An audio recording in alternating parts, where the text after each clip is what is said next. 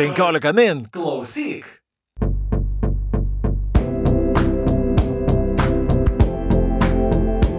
Sveiki gyvi. 15 min eterija startuoja naujas podcastas skirtas knygoms. Ir jį vesime mes dviese, aš Šaudris Ožalas. Ir aš Juratė Čerškutė. E, Šiame podcast'e mes kas mėnesį aptarsime įvairiausias knygas, autorius, vertėjus, literatūros naujienas ir knygas, kurios artimiausių metų pasirodys lietuvių kalba, o galbūt ir tai, kas pasirodė įdomaus užsienyje. Ir mūsų podcast'o pavadinimas yra perskaitimai. Kodėlgi perskaitimai? Todėl, kad pamatinis santykio su knyga ir literatūra veiksmas yra skaitimas ir mes net ir tyrinėtojai, mūsų pagrindinis įrankis yra skaitimas ir kiekvienas žmogus tą pačią knygą perskaito kitaip ir kai, kaip sako mūsų pirmojo podcast'o herojė Kate Atkinson, po kiekvieno naujo perskaitimo knyga lieka vis kitokia. Taigi, jau Juratė išdavė, kad šiandien pagrindinė tema bus Kate Atkinson, o taip pat pakalbėsime ir šiek tiek apie knygas, kurios pasirodė pastaruoju metu lietuvių kalba arba kurios išeis visai netrukus ir kurias vertėtų atkreipti dėmesį.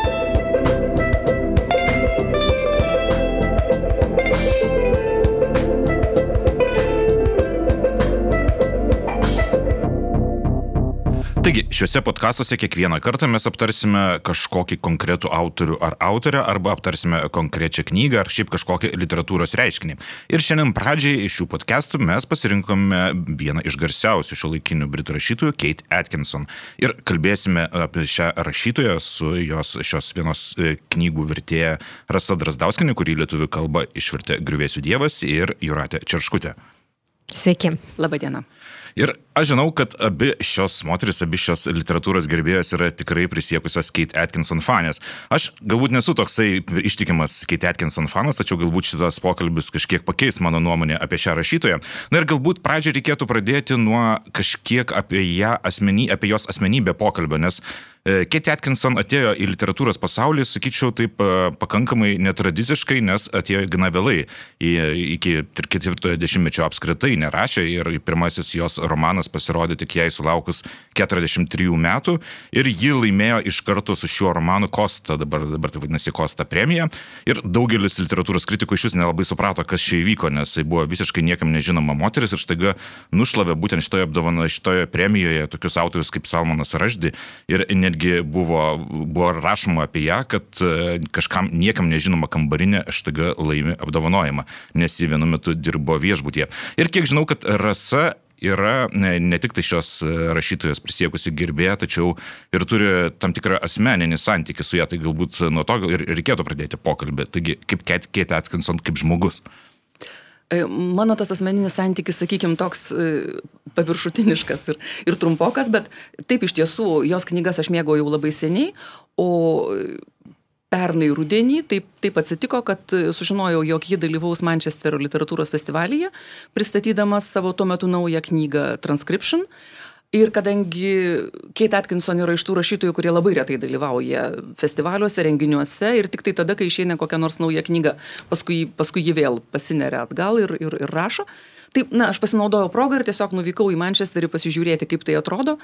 Ir tai buvo tikrai vienas iš nuostabesnių išgyvenimų. Visų pirma, aš pamačiau, ką tai reiškia, kada susirenka tikrai e, rašytojos gerbėjai. Visa auditorija, visa, visi tie žmonės, labai nemažai, Manchesterio salėje. Um, Buvo aiškiai matyti, kad jie gerai žino, apie ką rašo Kate Atkinson. Jie praktiškai visi ten pirko knygas ar jau turėjo. Ir, ir klausimai, kurie buvo, buvo aišku, kad žmonės turi tokį asmeninį santykį, kad jinai jiems yra savo žmogus, praktiškai ji rašo apie juos. Ir um, vienas iš e, stipresnių įspūdžių yra tas, kad Kate Atkinson, kai kalba, ji yra lygiai tokia pati, kaip tada, kai rašo. Reiškia, ta pati ironija, tos pačios kaip ir pastabos kliausteliuose, kurios jai gana būdingos jos stiliui. Ir apskritai ji yra tai, ką mes, e, taip Britai turbūt apibūdintų, a very nice lady. Ji, e, bet tai yra ž- žmogus, tarsi, tu matai, kad tai yra malonus, inteligentiškas, protingas, labai mokantis kalbėti žmogus, bet kartu tu matai, kad tas žmogus turi gyvenimo patirties, apie kurią jis galėtų kalbėti, bet, na, ne viską būtinai iškart išsako. Žodžiu, tikrai įspūdžiai buvo patys geriausi ir po to man tik dar labiau norėjosi toliau skaityti tai, ką ji rašo. Na ir šiaip įdomu yra tai, kad e, Kate Atkinson, nors ir vadinama viena iš ryškiausių šių laikų žvaigždžių, iš tikrųjų stengiasi pakankamai nuo šaly laikytis nuo to viso literatūrinio gyvenimo ir kažkada skaičiau interviu, kad e, jos vienintelė draugė iš to literatūrinio pasaulio yra Alice Smith ir netgi ir susitikusios jos vis tiek nekalba. Jos nekalba, nekalba. apie literatūrą. Taip, taip, būtent. E, tiesiog jinai stengiasi daryti savo darbą, o literatūrinis pasaulis egzistuoja kažkur kitur.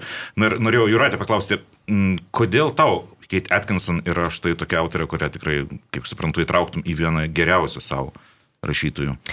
E, turbūt tikrai įtraukčiau, aišku, aš turiu prisipažinti, kad nesu skaičiusi paties pirmojo Kate Atkinson romano, to vertimo į lietuvių kalbą.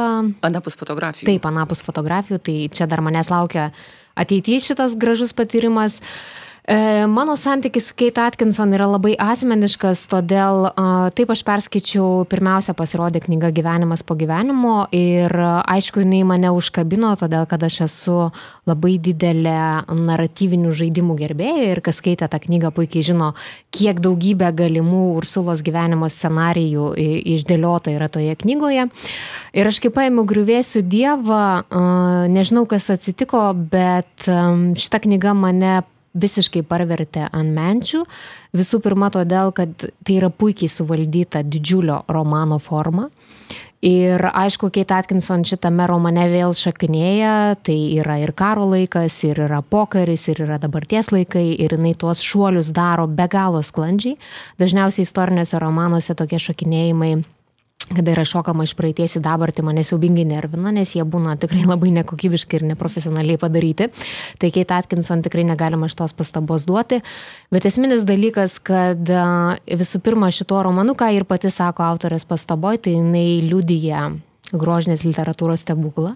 Ir mes, manau, apie tai dar pakalbėsim, apie tą siužeto posūkį, bet man asmeniškai šis tekstas svarbus, kad tai yra pirma knyga, kur, kurios aš nebijojau skaityti dėl jos tematikos. Tai būtent griuvėsių dievas mane pagydė nuo baimės apie antrą pasaulinį karą. Vat nuo antro pasaulinio karo temos, li, li, nu, ne, apskritai pasaulio, visoje literatūroje aš visada bijodavau iš tų tekstų.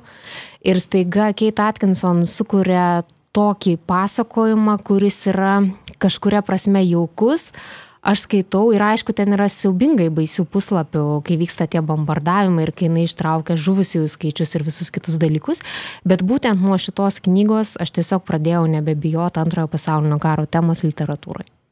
Nors iš tikrųjų jos kūryboje tas antrasis pasaulinis karas yra labai svarbi tema. Ir dabar netgi irgi skaičiau interviu, kad, kuriame jinai teigia, kad jinai pati pavargo nuo to antrojo pasaulinio karo ir nusprendė galbūt mestis į kiek, kažkiek kitokias temas. Ir, Bet vis tiek kažkaip žada toliau vis tiek rašyti. Žada toliau plėtoti. Ir vis tiek, ir šitą knygą Griuvėsių Dievas, ką irgi, manau, vertėtų pastebėti, ji pati laiko pačią geriausią savo knygą, stipriausią, kurios nei iki tol, nei, nei po to jai dar nepavyko pranokti. Tai yra jos, na, gyvenimo knyga. Tai yra matyti tai, ką ką ji norėjo parašyti. Bet visgi gyvenimas po gyvenimo, man atrodo, būtent šis kūrinys išgarsino visame pasaulyje ir griuvėsių dievas, nors aš nelaikyčiau iš šitos knygos, tos knygos tesinių, nes jos galima skaityti paraleliai iš tikrųjų. E, visgi, visgi yra liko šiek tiek šešėlėje. Jūs kaip vertėja, jūs irgi sutinkate, kad griuvėsių dievas yra jos gyvenimo knyga, ar ne? Aš sutinku, kad griuvėsių dievas yra jos gyvenimo knyga. Tiesiog gyvenimas po gyvenimo yra... Mm, E, formaliu požiūriu įspūdingesnė ir ją labiau e, lengviau pristatyti auditorijai. Aš čia nenoriu nu, suniekinti kaip nors.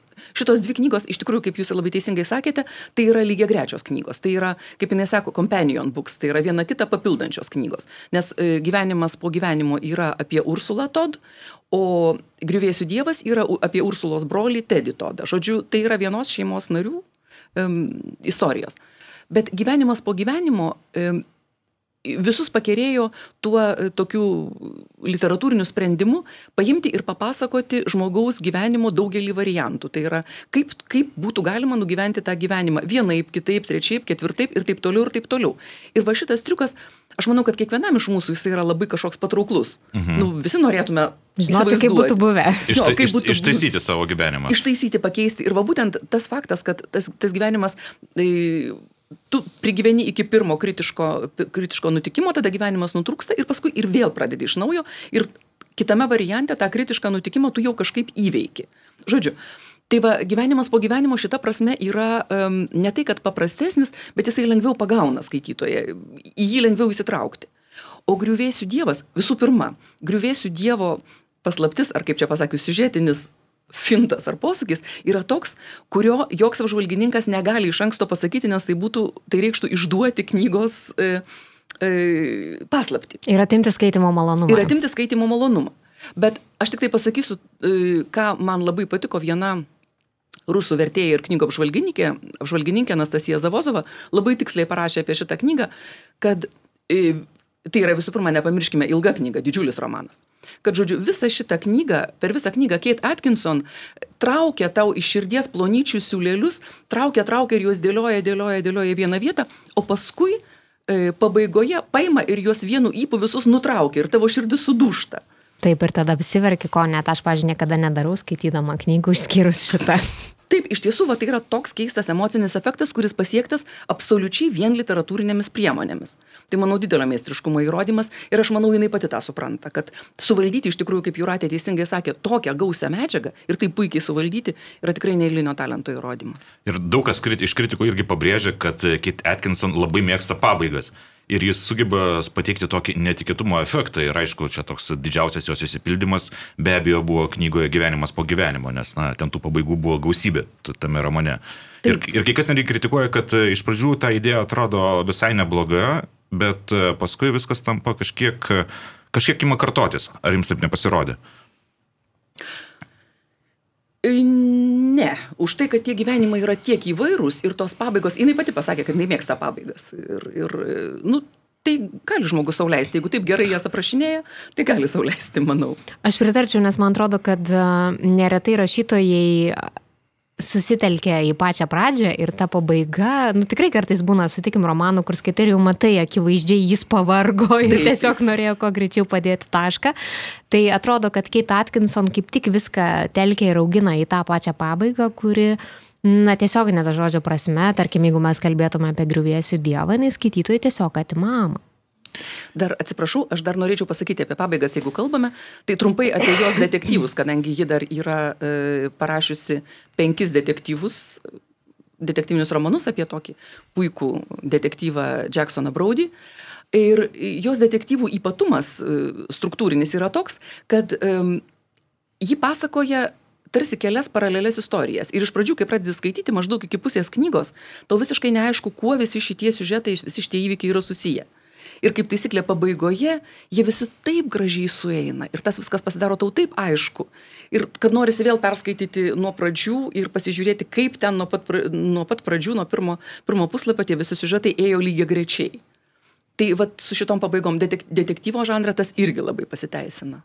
Ir ji drąsiai išbando žanrus, kaip galima spėti. Bent jau aš detektyvų jos nesuskaitęs, skaičiau tik tai lietuviškai pasirodžiusias knygas, tačiau visgi panašu, kad jai pačiai įdomu pažiūrėti, kaip gali jinai savo tos struktūrinius sprendimus, tarkime, išbandyti įvairiuose žanruose.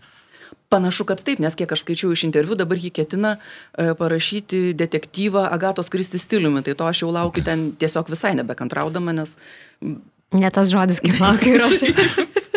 Ir beje, man atrodo, Hillary Mantel yra pasakiusi, kad jos kūrinių struktūra yra įmantresnė negu Dickenso. Ir e, turbūt galima su to sutikti iš tikrųjų. Gali būti. Bent jau e, Dickenso, e, Dickenso kūrinių struktūroje primena serialą, kaip, nu, na, žinoma, kaip jis ir rašė. Tai yra tokios daugiau mažiau linijinės istorijos, jos pasakojamos galbūt lygiai grečiai, bet jos yra linijinės. O Kate Atkinson moka žaisti ir su laiku, ir su, mm, ir su, ir su laiku, ir su vieta. Ir va dar tiesa, e, griuvėsių Dievo vienas iš ypatumų pasakojimo, kuris man labai patiko, yra tas, kad um, ji pasakoja, čia jau Juratė minėjo tuos peršokimus nuo prieškario, karo metų, paskui į pokarį. Uh, ir toks jausmas, kad pasakotoja mato visus šituos laikus vienu metu. Ir pavyzdžiui, na, tokio tipo sakinys, uh, pagrindinis herojus, pavyzdžiui, dar jaunystėje Tedis pagalvojo, kad kai jis turės sūnų, jis norės jį išmokyti žaisti futbolą ir skliausteliuose. Bet jis dar nežinojo, kad sūnaus jis neturės, o turės dukterį, kurios bus vardas Viola ir ji bus rašytoja. Skliausteliai užsidaro. Žodžiu, tu matai visą gyvenimą, taip sakant, vienu sakiniu. Taip, ir čia yra, vėl grįžkim prie to, kad tai yra apie grožinę literatūrą, čia yra visiškai visa žinio pasakotojo toks šimtaprocentinis pasireiškimas romane. Taip. Ir beje, ji pati yra vėlgi dar viena jos citata, kad e, jos knygos, kai kartais jinai jas vadina net ne knygomis apie karą, ne knygomis apie šeimos santykius, o apie tai, ką reiškia būti anglų ar anglė, arba galbūt netgi ne tai, ką reiškia būti anglų ar anglė, o tai, kaip mes įsivaizduojame buvimą anglų ir anglė. Kiek britiški jos romanai, nes bent jau man skaitant atrodo, kad tai yra grinai britiškos mokyklos atstovė. Turbūt aš pradėsiu pasakoti, nes e, prieš einant iš tą pokalbį, kaip tikrasiai sakiau, e, aš užaugau su LRT televizijos rodomais Agatos Kristi e, romanų ekranizacijomis, ar ne. Po to skaičiau Virginia Woolf ir man kažkaip vat, yra susikūręs toks, e, aišku, lietuviškas vaizdinys, kas tas yra tikrasis klasikinis britiškumas ir kas tai yra Anglija ir dėl ko man dar griuvėsiu Dievas taip užkabino kaip ir gyvenimas po gyvenimo, kad būtent aš skaitau ir aš tarsi vėl grįžtu į tą tą epochą, kurią aš mačiau per televiziją, kurią man labai skleidžia Virginijos Woolf romanai. Tai man atrodo, va šita prasme, tarkim, kaip aš būdama ne Britė, tai man atrodo, kad tikrai jin rašo apie tai. Aš irgi sutikčiau, kad Kate Atkinson yra labai labai britiška, tokia veikiau Šiaurės Anglija, ta tokia e, racionali, dalykiška, šiaurietiška tradicija. Ir manau, kad tą labai gerai supranta jos skaitytojai Britai, nes atsimenu, kad po to literatūros renginio Mančesteryje, kai stovėjau eilėje ten autografo, žmonės aplinkui stovėjo ir kalbėjos ir buvo girdėti tik tai She's magnificent, isn't she? She's great. Tarsi, ji nuostabi, ji didinga. Ir kažkaip žmonės, bet tas viskas buvo sakoma tokiu visiškai paprastu tonu, kad, na, tai normalu. Tai tiesiog ji yra didinga ir mes tai pasakome, o ne kaip nors Va taip.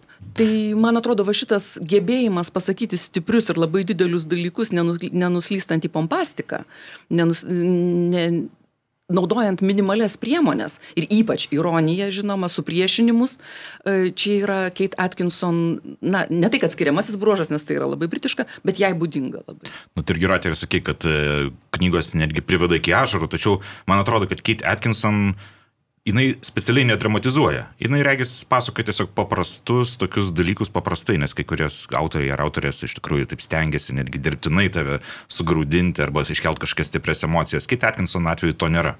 Ji to nedaro ir kita vertus čia yra labai aukšto profesionalumo lygis ir labai na, toks stiprus gebėjimas pasakot. Būtent galiausiai tie veikėjai tai yra na tokios ribinės kritinės situacijos karas ir galima labai greitai nuslysti banalumus, sentimentalumus, kažkokius kitus dalykus, o čia toks išlaikomas visiškai švarus, skaidrus stiklas ir, pavyzdžiui, ko nėra šitam romane, tai nėra to tokio ką turbūt, man atrodo, lietuvių autoriai tikrai darytų, to graudingo, nors kažkokio sentimentalumo, kur tu skaitai ir tau net kažkaip britku darosi, tai vad paskeit Atkinson tikrai šito dalyko nėra. Ir galiausiai vėl, kai aš sakau apie tą ašarų išlindimą ar ne, aš iš esmės kalbu apie vieną romano sakinį apie vieną romano sakinį. Tik tai apie tai. Jis vienu romano sakiniu būtent geba nukirsti tave taip, nes kiti būtent, kaip tu gerai sakai, ten gali visą knygą tave graudinti ir visiškai atstumimo reakcija atsitiks. Tai čia šituo atveju to visiškai neįvyksta. Ir beje, mes kalbame apie dramatiškus elementus, tačiau daug kas praleidžia, man atrodo, pro akis ir tai, kad ji yra ir kandi ir samaiška. Ir iš tikrųjų tas britiškas humoras galbūt e, ne visi jį net ir pajaučia, nes jis toks pakankamai sausas ir pakankamai toks specifinis. Tačiau visgi jai yra tikrai būdingas. Jis yra labai, jis, jis jai yra labai būdingas, jį galbūt netaip lengva pajusti, jeigu imtum kokį konkretų sakinį, bet kai skaitai visą knygą, tai man atrodo, jis kaip koks aromatas, ta prasme, visą laiką yra. Tu negali nepajusti. Nu, pavyzdžiui, tokia dabar tiesiog ateina į galvą scena, kai e, dukra atsiveža tėvui parodyti savo e, draugą ir tas draugas toks, na, nu, padraika toks abejotinas, reiškia, sakykime. O tėvas e, labai racionalus, rimtas, darbštus žmogus. Ir, reiškia, jiem pavalgius pietus, tėvas su dukra plauna indus, o draugas atsisėda į fotelį prisnausti. Tėvas pasižiūri ir sako, pavargo ar ne? Tai net nėra juokinga, bet tiesiog tu supranti, kad va tai tokia nuostata. Bet aš noriu Rasa tavęs paklausti, ar tu susidūrai su kažkokiais sunkumais, kai reikėjo būtent va šituos britiškus tokius dalykus ir dar tą ironijos posloksnį versti?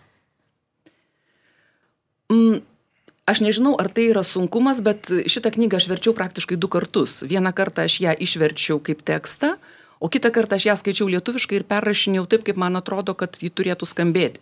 Nes tai yra praktiškai šnekamasis pasakojimas, čia yra labai daug šnekamosios kalbos. Ir man norėjosi, kad, kad jis skambėtų vat, būtent nedirbtinai, o taip, kaip žmonės kalba ir va tos pastabos, žodžiu, tai nežinau, ar čia sunkumas, čia veikiau malonumas, bet aišku, ne su kiekviena knyga tas vyksta. O kiek laiko iš viso truko šitas darbas? Ilgai truko, jis man truko beveik dviejus metus, na, truputį šalia kitų darbų, bet čia buvo vienas iš ilgesnių mano vertimų. E, nu, tai čia toks ir klaidingas įspūdis, nes daugelis žmonių ir įsivaizduoja, kad lengviausia versti būtent tokias šiek tiek, e, na, tarkime, pramoginės knygas, o iš tikrųjų aš tai prustas ar dar kažkas atima daugiau pastangų ir darbo, tačiau iš jūsų sprendžia, iš kalbos sprendžiant galima susidaryti įspūdį, kad visgi irgi štai šitą knygą pareikalavo daug darbo. Aš dabar čia kaip vertėja dar pasakysiu, kad e, darbo daug pareikalavo dar ir kiti tokie visokie klastingi dalykai, kadangi, kaip čia jau buvo nekarta minėta, e, Kate Atkinson yra labai literatūriška rašytoja ir jos e, visame tekste pilna, pilna literatūrinių aluzijų. Ir labai buvo baisu skaitant jų tiesiog nepražiopsoti, nes citatos yra nepateikiamos kaip kaip atskiros citatos, jos yra įaustos į tekstą. Citatos motyvai, pavyzdžiui, kelis kartus pasikartojanti ta pati frazė įvairiose kontekstuose, kuris sukuria nepaprastą įspūdį. Bet turbūt prie tų tokių karo efektų būtų, sakysim, frazė, e, kai mirštantis, reiškia, numuštas lėktuvas, e, ekipažas valtyje Šiaurės jūroje kurį laiką yra, E, ten peršalia ir taip toliau, nesitikė, kad jų išgelbės karo metais. Ir vienas iš sužeistų lakūnų tiesiog nuslysta į vandenį ir kažkaip prieš nuslysdamas pasako, tai ką, tada jums sėkmės. Ir, ir reiškia, ir dinksta. O paskui tas pats sakinys pasikartoja, kai Tedis, kapitonas, reiškia, pilotas šito lėktuvo, nuvažiuoja pas to žuvusio lakūno šeimą, pas jo motiną ir nieščią merginą. Ir jos jo nenori paleisti, nes jisai paskutinis žmogus, kuris matė tą jų brangų žmogų. Ir galiausiai išeidamas jisai vis dėlto atsisveikina ir sako, nu tai ką, tada jums sėkmės ir pats supranta, kad pakartojo tą patį sakinį. Bet čia dar yra įdomu, rasa, istorija apie patį vertimą, juk vertimas irgi yra citata. Tai yra, atsiprašau, ne vertimas, bet knygos pavadinimas irgi yra citata, ar ne? Taip, tai yra citata, kuri turėtų irgi jau suteikti mums iš karto informacijos. Tai yra citata iš Emersono, amerikiečių transcendentalisto filosofo kūrinio, kad e, žmogus yra Dievo griuvėsiai ir dėl to šitas pavadinimas nėra visiškai tikslus. Jis turėtų būti Dievo griuvėsiai arba, na, nusileidęs iš aukštumų Dievas. Rusiškas, pavyzdžiui, šitos knygos vertimas yra e, Bogis ir Diliudėjai, tai yra Dievai tarp žmonių. Ir, iškia, turėta matyti, norėta pasakyti e, apie tai, kad tie lakūnai bandytojai, tie karo, karo meto dalyviai, tie, kurie darė gigantiškus darbus, blogus, gerus, nesvarbu kokius, po karo jie atsiduria vėl žmonių pasaulyje ir turi jame gyventi. Ir kaip tą daryti, visa knyga apie tai, kaip daryti, kaip gyventi po to, kai tu buvai dievas ir gerąją ir blogąją prasme. Ta prasme, tu gyniai savo šalį, bet tu bombardavai civilius gyventojus. Na, man atrodo, kad filosofinių, etinių dilemų jos knygose yra išties labai daug, bet jeigu reikėtų apibriežti pagrindinės, kas jūsų nuomonė tai būtų, nes iš šono lyg ir peršas idėja, kad e, tai yra bandymas papasakoti apie tai, kaip tobulai, arba bent jau kiek įmanoma tobulai nugyventi tą 20-ąjį amžių arba šiuos laikus. Tai ta idėja be abejo nėra visiškai nauja, nes, tarkime, galima prisiminti ir tą patį Kabrė, e, kuris pasakoja apie blogį ištikusi per daugybę amžių ir kaip mes žmonėje kūrėme tą blogį. O kokia nuomonė yra jūsų apie tai, ką visgi, kokią pagrindinę žinutę neša jos knygos? Aš nesutikčiau dėl to tobulumo, nes man atrodo, kad, tarkim, griuvėsių dieve, tai Tedis tiesiog stengiasi gyventi gal, na, kuo geriausią savo versiją, bet tai tikrai jisai nesiekia kažkokio tobulumo. Uh, Iš tikrųjų, man atrodo, e, visas, visi atsakymai į dalį šitų klausimų, kuriuos ir mes čia šiandien gvildenam, yra šito romano autorės pastaboje, kuri beje dera pastebėti tikrai yra labai puikiai, labai reta būna, tarkim, po romano, ar ne, kai perskaitai ir būna autoriaus žodis, kad jis būtų toks kapitalus ir taip gruntaunai parašytas, kur iš esmės, na, jinai atsako į visus klausimus, kas yra. Ir ten irgi yra ta mintis, kad iš esmės jinai siekia ir rašyti apie karą, bet ir sėkiu parodyti, kaip tam kare gyveno žmonės. Ir gal dėl to aš sakau, mane ir pagydė nuo tų visų paranojų ir baimė apie antrą pasaulinį karą, kad iš tikrųjų tą karą kažkaip suasmenina ir pritraukia prie tavęs, na, rodo iš esmės tarsi kasdienį to karo gyvenimą, kaip jisai buvo. Ir tik tai pačioj pabaigoje jinai jau ištraukė tuos tikrai baisius skaičius, kada vardė, kiek ten milijonų žuvusių ir kiek ten tie lakūnai subombardavo. Beje, dar noriu įsiterpti, nes aš prie vertimo, nes aš labai prisimenu, kai Rasą sutikau gal prieš kokius trejus ar ketverius metus, jinai kaip tik tada vertė šitą knygą ir pasako, kaip domėjosi Brito aviacija, nes čia dar yra irgi atskiras žanras ir pati Kate Atkinson apie tai kalba, kiek jinai daug tyrinėjo ir iš tikrųjų, pavyzdžiui, aš kai perskaičiu, aš po to ėjau pasigūglint apie tuos antrojo pasaulinio karo lėktuvus ir kaip jinai ten viskas labai, buvo. Labai daug detalių jinai pateikė. Taip. Taip jai labai, prasme, jinai galėtų to išvengti ir, ir, ir pavyzdžiui, tiesiog aprašyti įvykius, tačiau kartais jinai leidžiasi į tam tikras detalės ir netgi... Bet jin tą grakščiai daro, sutikim, nes kartais būna autoriai leidžiasi į detalės ir tada išeina kaip koks istorinis referatas, o vis tik Kate Atkinson, mano supratimu, labai grakščiai tą išbalansuoja. Aš atsimenu, man verčiant buvo labai nuostabu, nes aš taip buvau truputį pasižiūrėjusi knygą ir pas, pamačiau, kad ten yra tikrai nemažai scenų apie tai, kaip, ką veikia lakūnas bombarduotojas lėktuvu lėktuve apskritai, kaip viskas vyksta, kaip jie ruošiasi skrydžiui, kaip jie skrenda, kas ten darosi. Aš galvoju, Dieve, nu čiagi nuobodybė baisiausia, kas gali. Ir man pačiai buvo taip nuostabu, kad verčiant man pačiai visiškai nenusibodo ir tos detalės jos yra reikalingos ir be to matyt čia yra tas dėsnis, kad jeigu tu kažką labai gerai išsinagrinėjai su visom detalėm, tai tas automatiškai pasidaro įdomu. Mm. Nes tu jau pradedi suvokti, kaip veikia.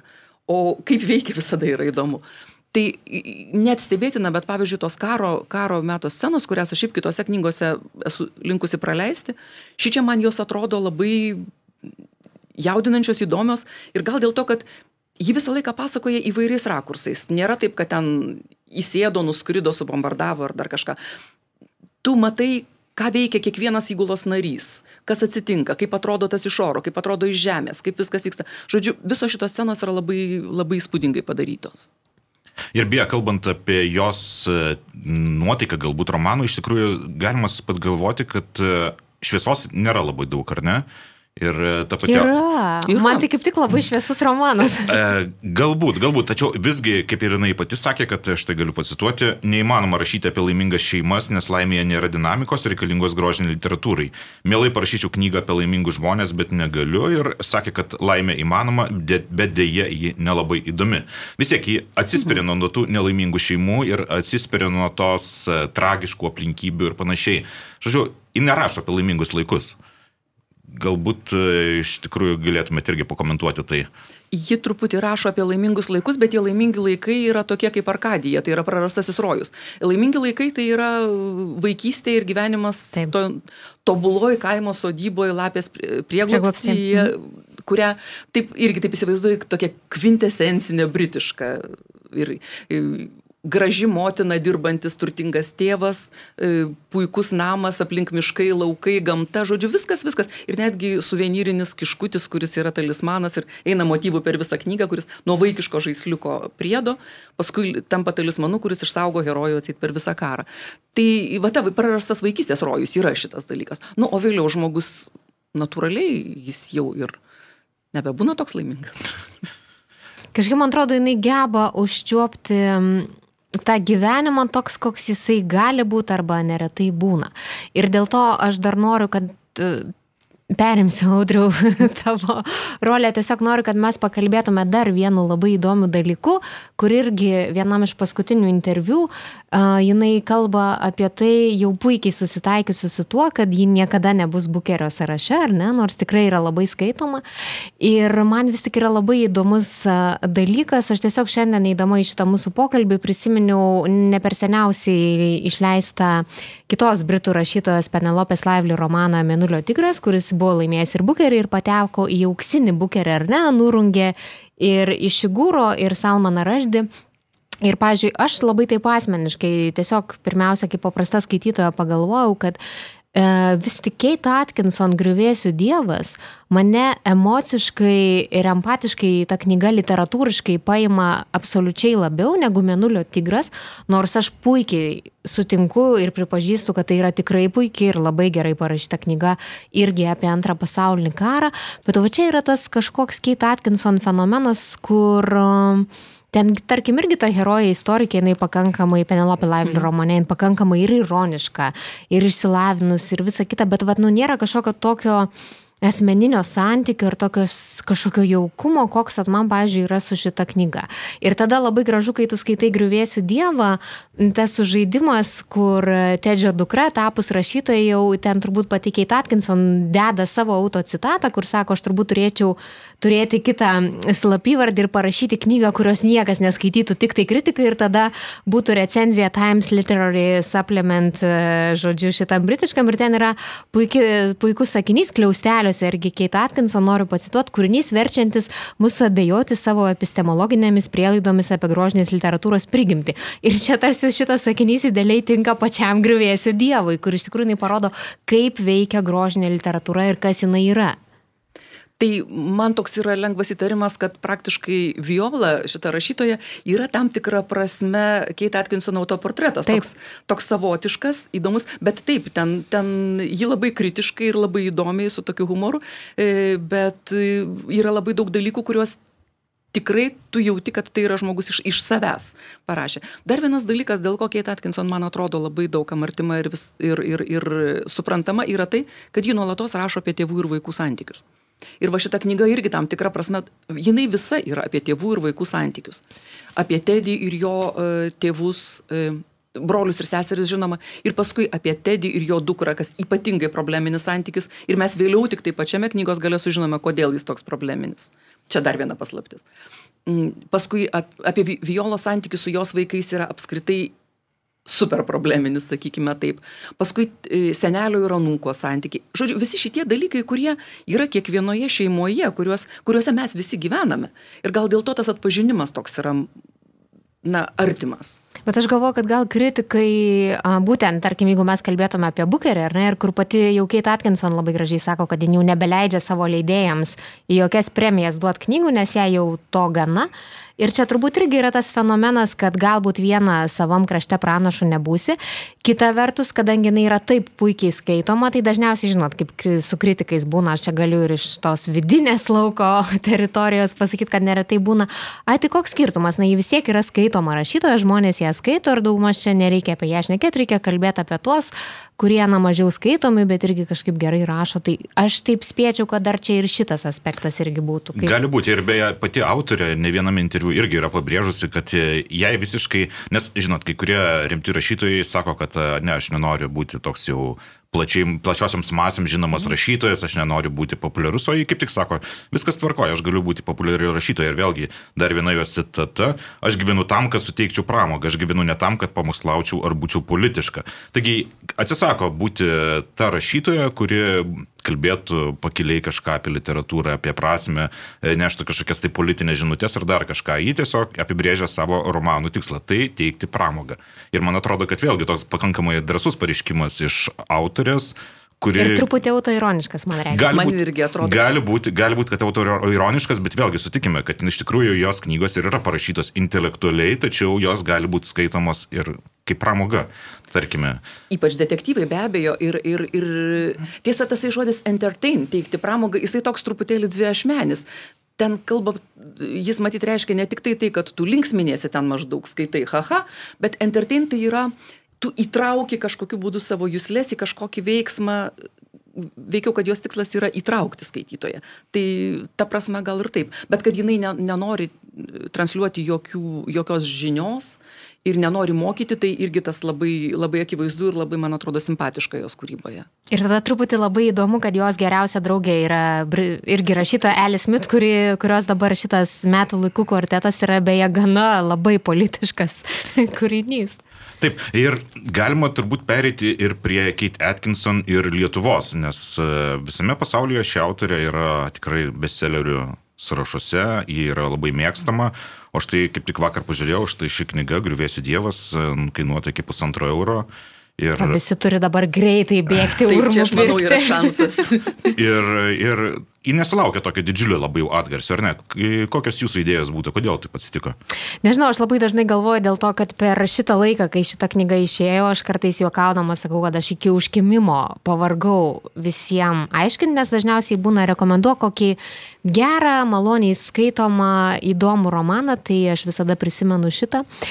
Nežinau, įdomu, nes tarkim, aš pagalvojau, ką jau ir minėjau, kad aplinka ir ta atmosfera yra labai panaši į tas Agatos Kristė ekranizacijas. Nu, daug Lietuvos sekmadieniais žiūri ir labai nervuojasi, jeigu netyčia ten koks krepšinis ar mišios perslenka laiką. Tai tarsi iš šitos pusės žiūrint, nu, turėtų, turėtų šita knyga būti skaitoma.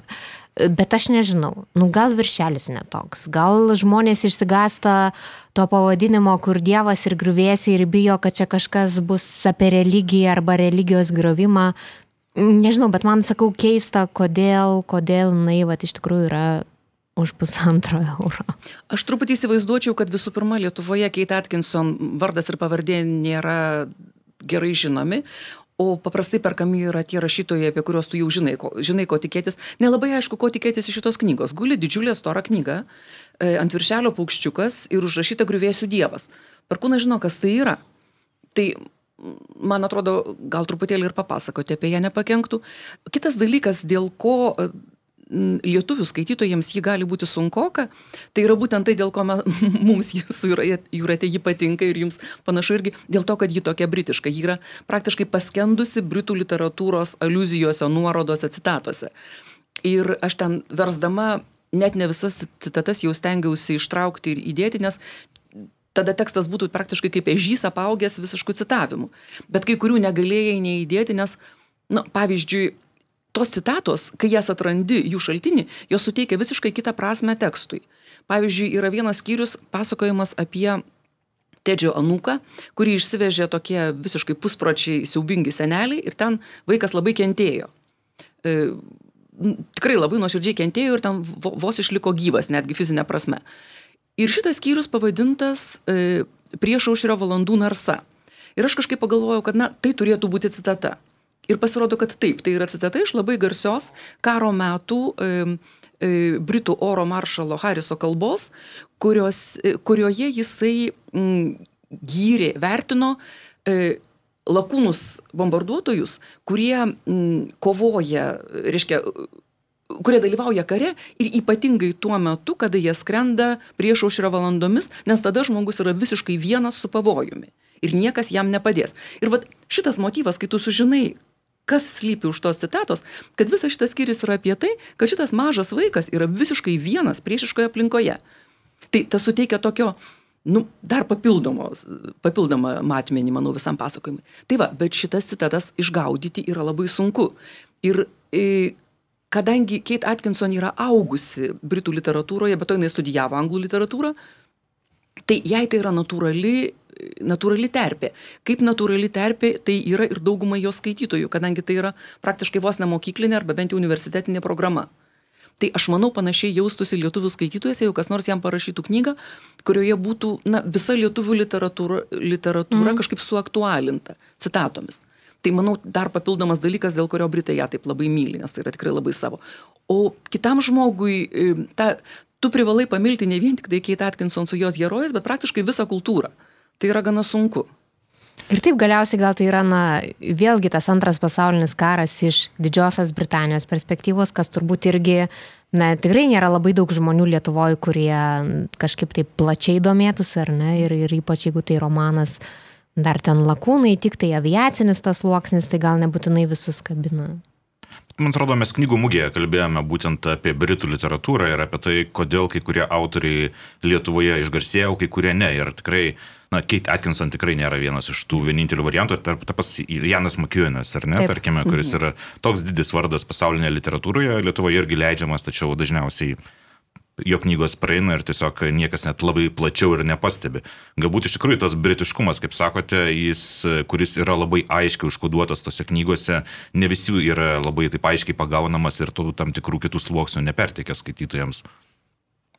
Tačiau jeigu kalbant vėlgi apie Kate Atkinson ir galbūt jau visgi pamažu baigiant šitą pokalbį, e, na, aš bent jau tik, tikrai tikiuosi, kad Kate Atkinson mes dar susipažinsim su jos kūryba, o jūs kokią knygą dabar rekomenduotumėte kaip geriau, netgi už mus be abejo, žinant ją, e, kad ji pasirodytų lietuvių kalba ir ką rekomenduotumėte po šių trijų lietuviškai išėjusių knygų? Dabar labai yra sunku kažką rekomenduoti, nes um, aišku, aš rekomenduočiau, kad lietuviškai būtų išleisti jos detektyvai, nes tai yra tikrai uh, dinamiški, įdomus uh, romanai, kurie visų pirma yra apie žmonės. Ir tai yra labai faina, nes uh, tu atpažįsti tiesiog žmonės, apie kuriuos jinai rašo. Ir pagrindinis herojus, tas Jacksonas Braudis, yra toksai klasikinis e, seklys, kurio gyvenimas paties netaip labai susiklosto, bet jis turi tiesiog tokį nenumaldomą teisingumo jausmą ir jis privalo padėti žmonėms. Bet tiesiog privalo padėti žmonėms. Ir dėl to jis nėra nei juokingas, nei pasigailėtinas, visiškai priešingai, bet va tiesiog toks. Ir tokių herojų šiaip gana trūksta, jie, jie labai simpatiški. Tai va, tai sakyčiau detektyvai, bet su detektyvais yra problema tam tikra už tai, kad naujausias Jacksono Braudžio serijos romanas Big Sky, Platus dangus, turbūt pasirodė šiais metais, bet tai yra po devyniarių metų pertraukos, o ankstesni keturi romanai yra išleisti gerokai seniau, na, o kuri čia leidikla rizikuos išversti dešimties ar penkiolikos metų senumo knygą, palikime šitą klausimą atvirą. Dar e, pernai pasirodė jos knyga Transcription, mm, kuri yra apie Britų slaptasias tarnybas ir apie BBC veiklą, kas labai dažnai yra vienas ir tas pats, kaip paaiškėjo. Um, tai irgi labai britiška knyga uh, ir ta prasme galbūt irgi rizikinga, uh, ar, ar, ar skaitytojams ji bus įdomi. Bet man regis, kad tai yra knyga, kurioje tobulai sukurta šita šnipiško pasaulio atmosfera tai yra, kada tu visiškai nežinai, kas yra kiekvienas žmogus. Tai yra kaip, na, angliškas tas posakis yra smoke and mirrors, ta prasme, viskas prieš tave, visa tikrovė yra iliuzinė.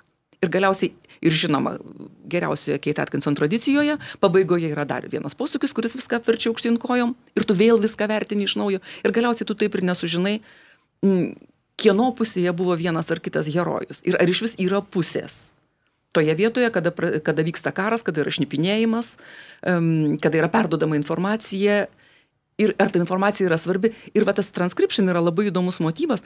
Tai yra mergina, kuri sėdi ir perrašinėja e, pokalbius, kurie vyksta už sienos, e, kai atėję žmonės pasakoja informaciją apie tai, kaip jie pastebėjo priešiškus priešų veiksmus. Ir įdomumas yra tas, kad tie žmonės kalba gana neaiškiai ir kai jį perrašinėja, jos perrašinėjimuose nuolatos yra daugybė tarpų. Ir kadangi ji yra labai gera perrašinėtoja, tai ji truputį prikuria tuos tarpus. Ir va taip pat yra konstruojama tikrovė. Žodžiu, mano galva šita knyga irgi būtų labai įdomi.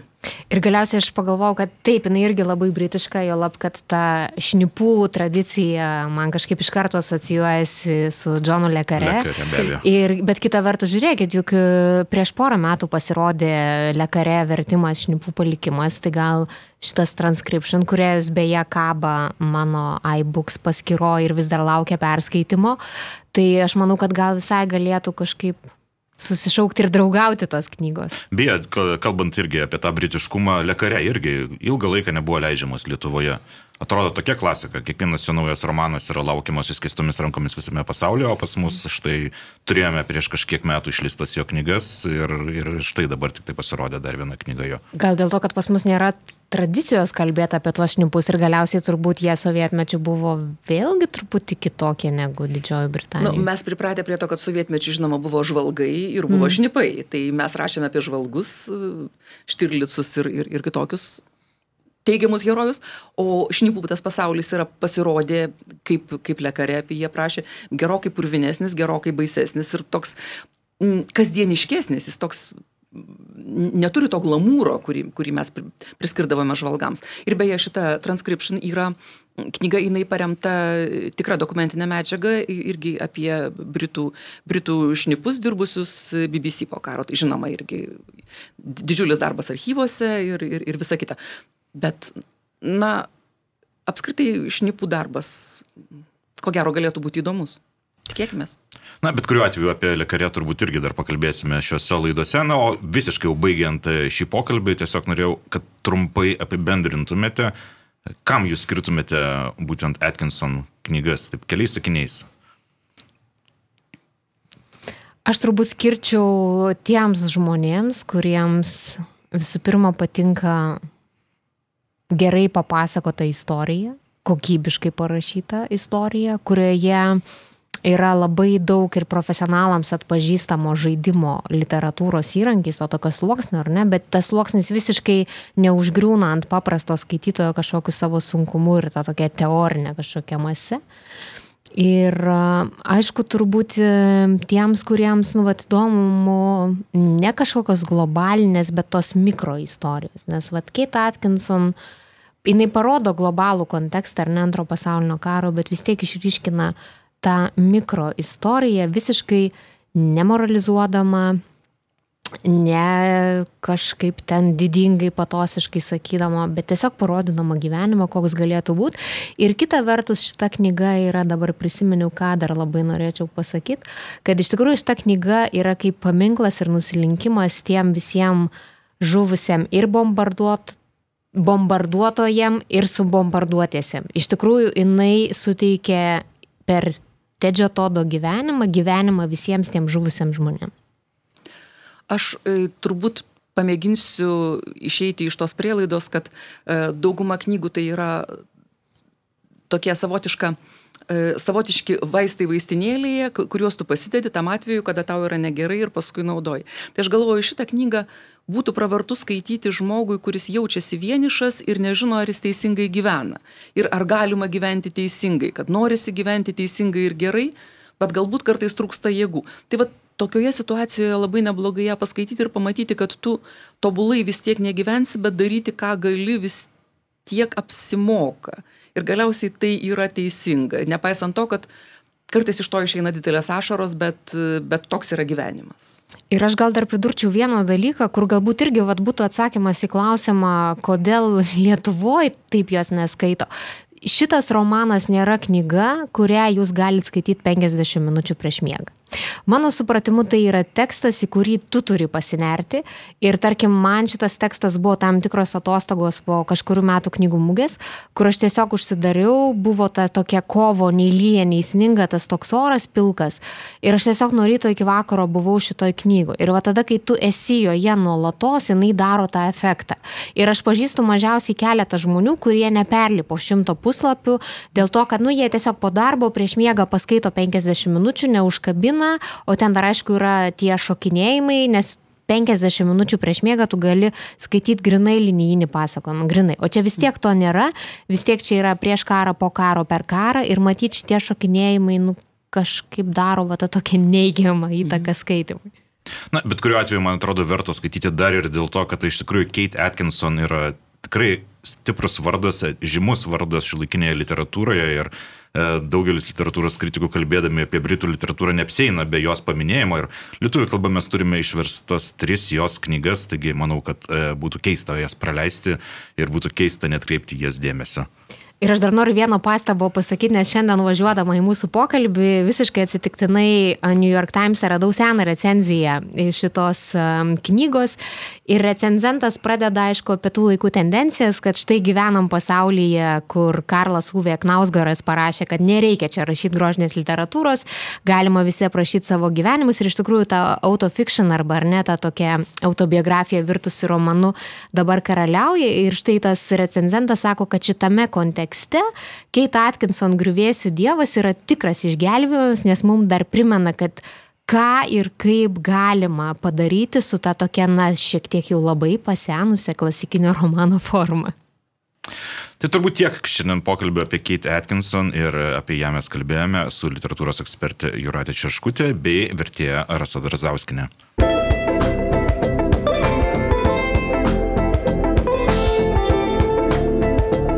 Kiekvieną kartą šiame podcast'e trumpai apžvelgsime ir knygas lietuvių kalba, kurios pasirodė pastaruoju metu ir į kurias galbūt vertėtų atkreipti dėmesį.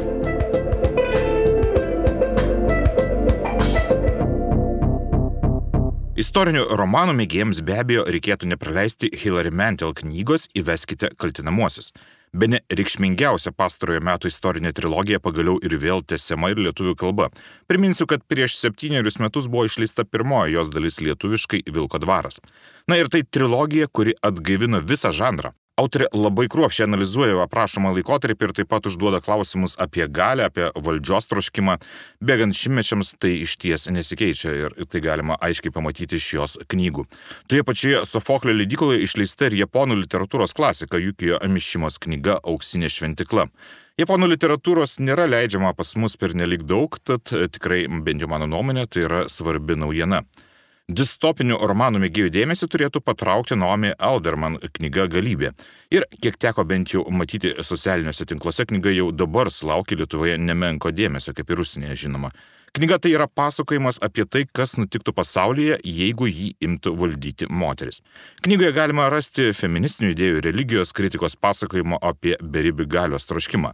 Tiesa, visgi iki tos pačios Atwood, kuri cituojama ir ant šios knygos viršelio, autoriai čia yra tolokai, čia daugiau veiksmo, bet mažiau psichologizmo ir alegorijų bei gilmės. Turbūt nemažai kas matėte serialą Patrikas Melrozas. Tačiau tai ne priežastis praleisti neseniai išleistą ir romanų trilogiją. Net neįmanoma ekranizuoti visos jos turštumos, tamsos psichologijos, o kas lypi šioje knygoje portale 15 min aprašė ir šios knygos vertėjas Laimontas Junušys, taigi siūlau paieškoti to straipsnio. Komiksų pas mus leidžiama ne tiek jau ir daug ir kiekvienas toks naujas bandymas yra įvykis. Tad Gerdos Jort knygą Daugiabutis taip pat labai rekomenduočiau. Juolab, kad autorė taikliai pagauna gyvenimo daugiabučiuose nuomos subtilybės bei tipiškus personažus. Na ir humoro čia yra išties nemažai. Besidomintiems meno pasauliu siūlyčiau atkreipti dėmesį į leidyklos kitos knygos pradėtą leisti seriją Meno pagrindai.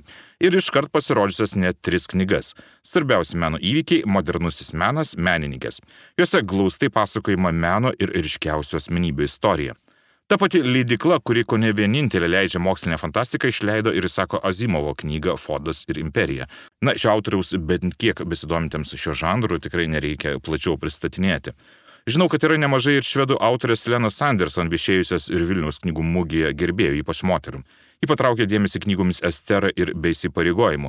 Nauja jos knyga Svėjo sunus visai kito žanro, tai nedetali meilės analizė, o kūrinys apie šeimą, apie visuomenės virsmus ir socialinės transformacijas. Pelevino vardas irgi turbūt daugam pasako iš ties nemažai. Na, reikia pasakyti, kad paskutiniu metu toli gražu ne viskas, ką rašo šis autorius, yra pačios aukščiausios prabos, o jo rašymo tempai nei kiek nemažėja. Ir štai pasirodė dar vieno jo kūrinio vertimas.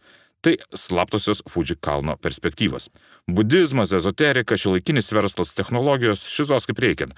Treniruotėms Pelevino mėgėjams pats tas, bet teko skaityti šią knygą jau anksčiau ir mano nuomonė visgi prie geriausių Pelevino kūrinių jos nedėčiau labai jau taip šalia. Žinau, kad yra daugybė žmonių, kurie mėgsta romanus vykstančius Indijoje. Tad kaip tik jiems skirtas Vikramo Šandros romanas Dievų šokis. Tai lyg ir magiškas realizmas, lyg ir šių dienų realijos pinasi religijos, politika, istorija, kasdienės istorijos. Tai tirštas sodrus pasakojimas ir viskas kaip ir priklauso Indijai. Pasirodė ir išties įdomi autofiction knyga, tai Džono Bergerio Mes sustinkame čia. Tai kelionės po savoje praeitį, po savo santykius su artimais žmonėmis, tai meditatyvus pasakojimas, kuriame bent jau man labiausiai imponavo autoriaus santykiai su aprašomais miestais, tai kaip jis mato jų erdvės ir atmosferą. Kas dėl poezijos, Rašytojų sąjungos leidikla prieš poezijos festivalį išleido nemažai knygų ir tarp naujesnių vardų mielai rekomenduočiau laiko patikrintas eilės Ramūno Kasparavičius rinkinį taip ir pavadintą - Poezija. Elenos Ferrantė knygų serija skirta Neapoliui prikaustė pasaulio dėmesį, visgi ne visos jos knygos yra tiek pat įtraukiančios. Pavyzdžiui, ir lietuvių kalba išleista knyga Apleisties dienos, bent jau mano manimu, buvo tokia gana vidutiniška. Knygynuose tuoj pasirodys, o gal jau ir pasirodė ir kita jos knyga Pražutinga meilė. Tad tikrinsime toliau. Beje, gera žinia yra tai, kad kaip tik pasirodė naujienos, kad Ferrantė vėl rašo knygą apie Neapolį. 1913 buvo ypatingi metai pasaulio istorijoje ir juos netikėtai iš įvairiausių kampų atspindėjo Florianas Ilijasas, kurio anegdotiškose situacijose skleidėsi to laiko žmonės, įvykiai, kasdienis gyvenimas ir to laiko įžymybės. Knyga buvo išleista ir lietuvių kalba ir dabar turime ir jos tesinį. 1913, ką būtinai norėjau papasakoti. Išėjo ir keli tikrai puikūs perleidimai. Visų pirma, tai Albert Camus Sizifo mitas, o taip pat ir Gintaro Beresnevičius Lietuvių religija ir mitologija. Įdomus reiškinys mūsų leidyboje yra tai, kad Gabijos Grušaitės knyga apie Stasį Šaltoką dabar pasirodė ir anglų kalba. Leidikla Lapas nusprendė parengti tokį tad leidinį, kurį galite dovanoti angliškai kalbantiems draugams. Na ir dar viena knyga, apie kurią tikrai bus labai daug kalbama, tai Nerijos Putinaitės Skambantis molis. Dainų šventės ir Justina Brasinkievičiaus trilogija kaip sovietinio lietuviškumo ramščiai. Istorinė atmintis yra labai svarbi tema dabartinėje Lietuvoje, tad besidomintiems tuo, manau, bus labai pravartu perskaityti šią knygą. Na, o kas nori lengvesnės literatūros, tarkime, šiuo atveju detektyvų, jų kaip visuomet išleidžiama daugybė. Iš jų rekomenduoju Vonier skandinavišką trilerį Pakibę. Jaroslavas Melnikas puikiai pažįstamas mūsų skaitytojams, tačiau šį kartą jis grįžta netikėtų jam žanrų - skandinaviškų trilerių adatą. Verta paskaityti vien jų ir dėl to, kad tai tikrai nėra labai jau dažnas mūsų rašytojams žanras. Na, o siaubo romanų gerbėjams be abejo turėtų patikti dar vienas Steveno Kingo romanas Tas. Tiek rekomendacijų šiam kartui. Na, jeigu norite detaliau apie rekomenduojamas knygas išgirsti, visada galite rasti kasmėnesinę geriausių knygų apžvalgą video formatu, ji pasirodys 15 min kitą ketvirtadienį. Na ir tiek šiam kartui apie knygas šiame podkaste, susitiksime su jumis kitą mėnesį.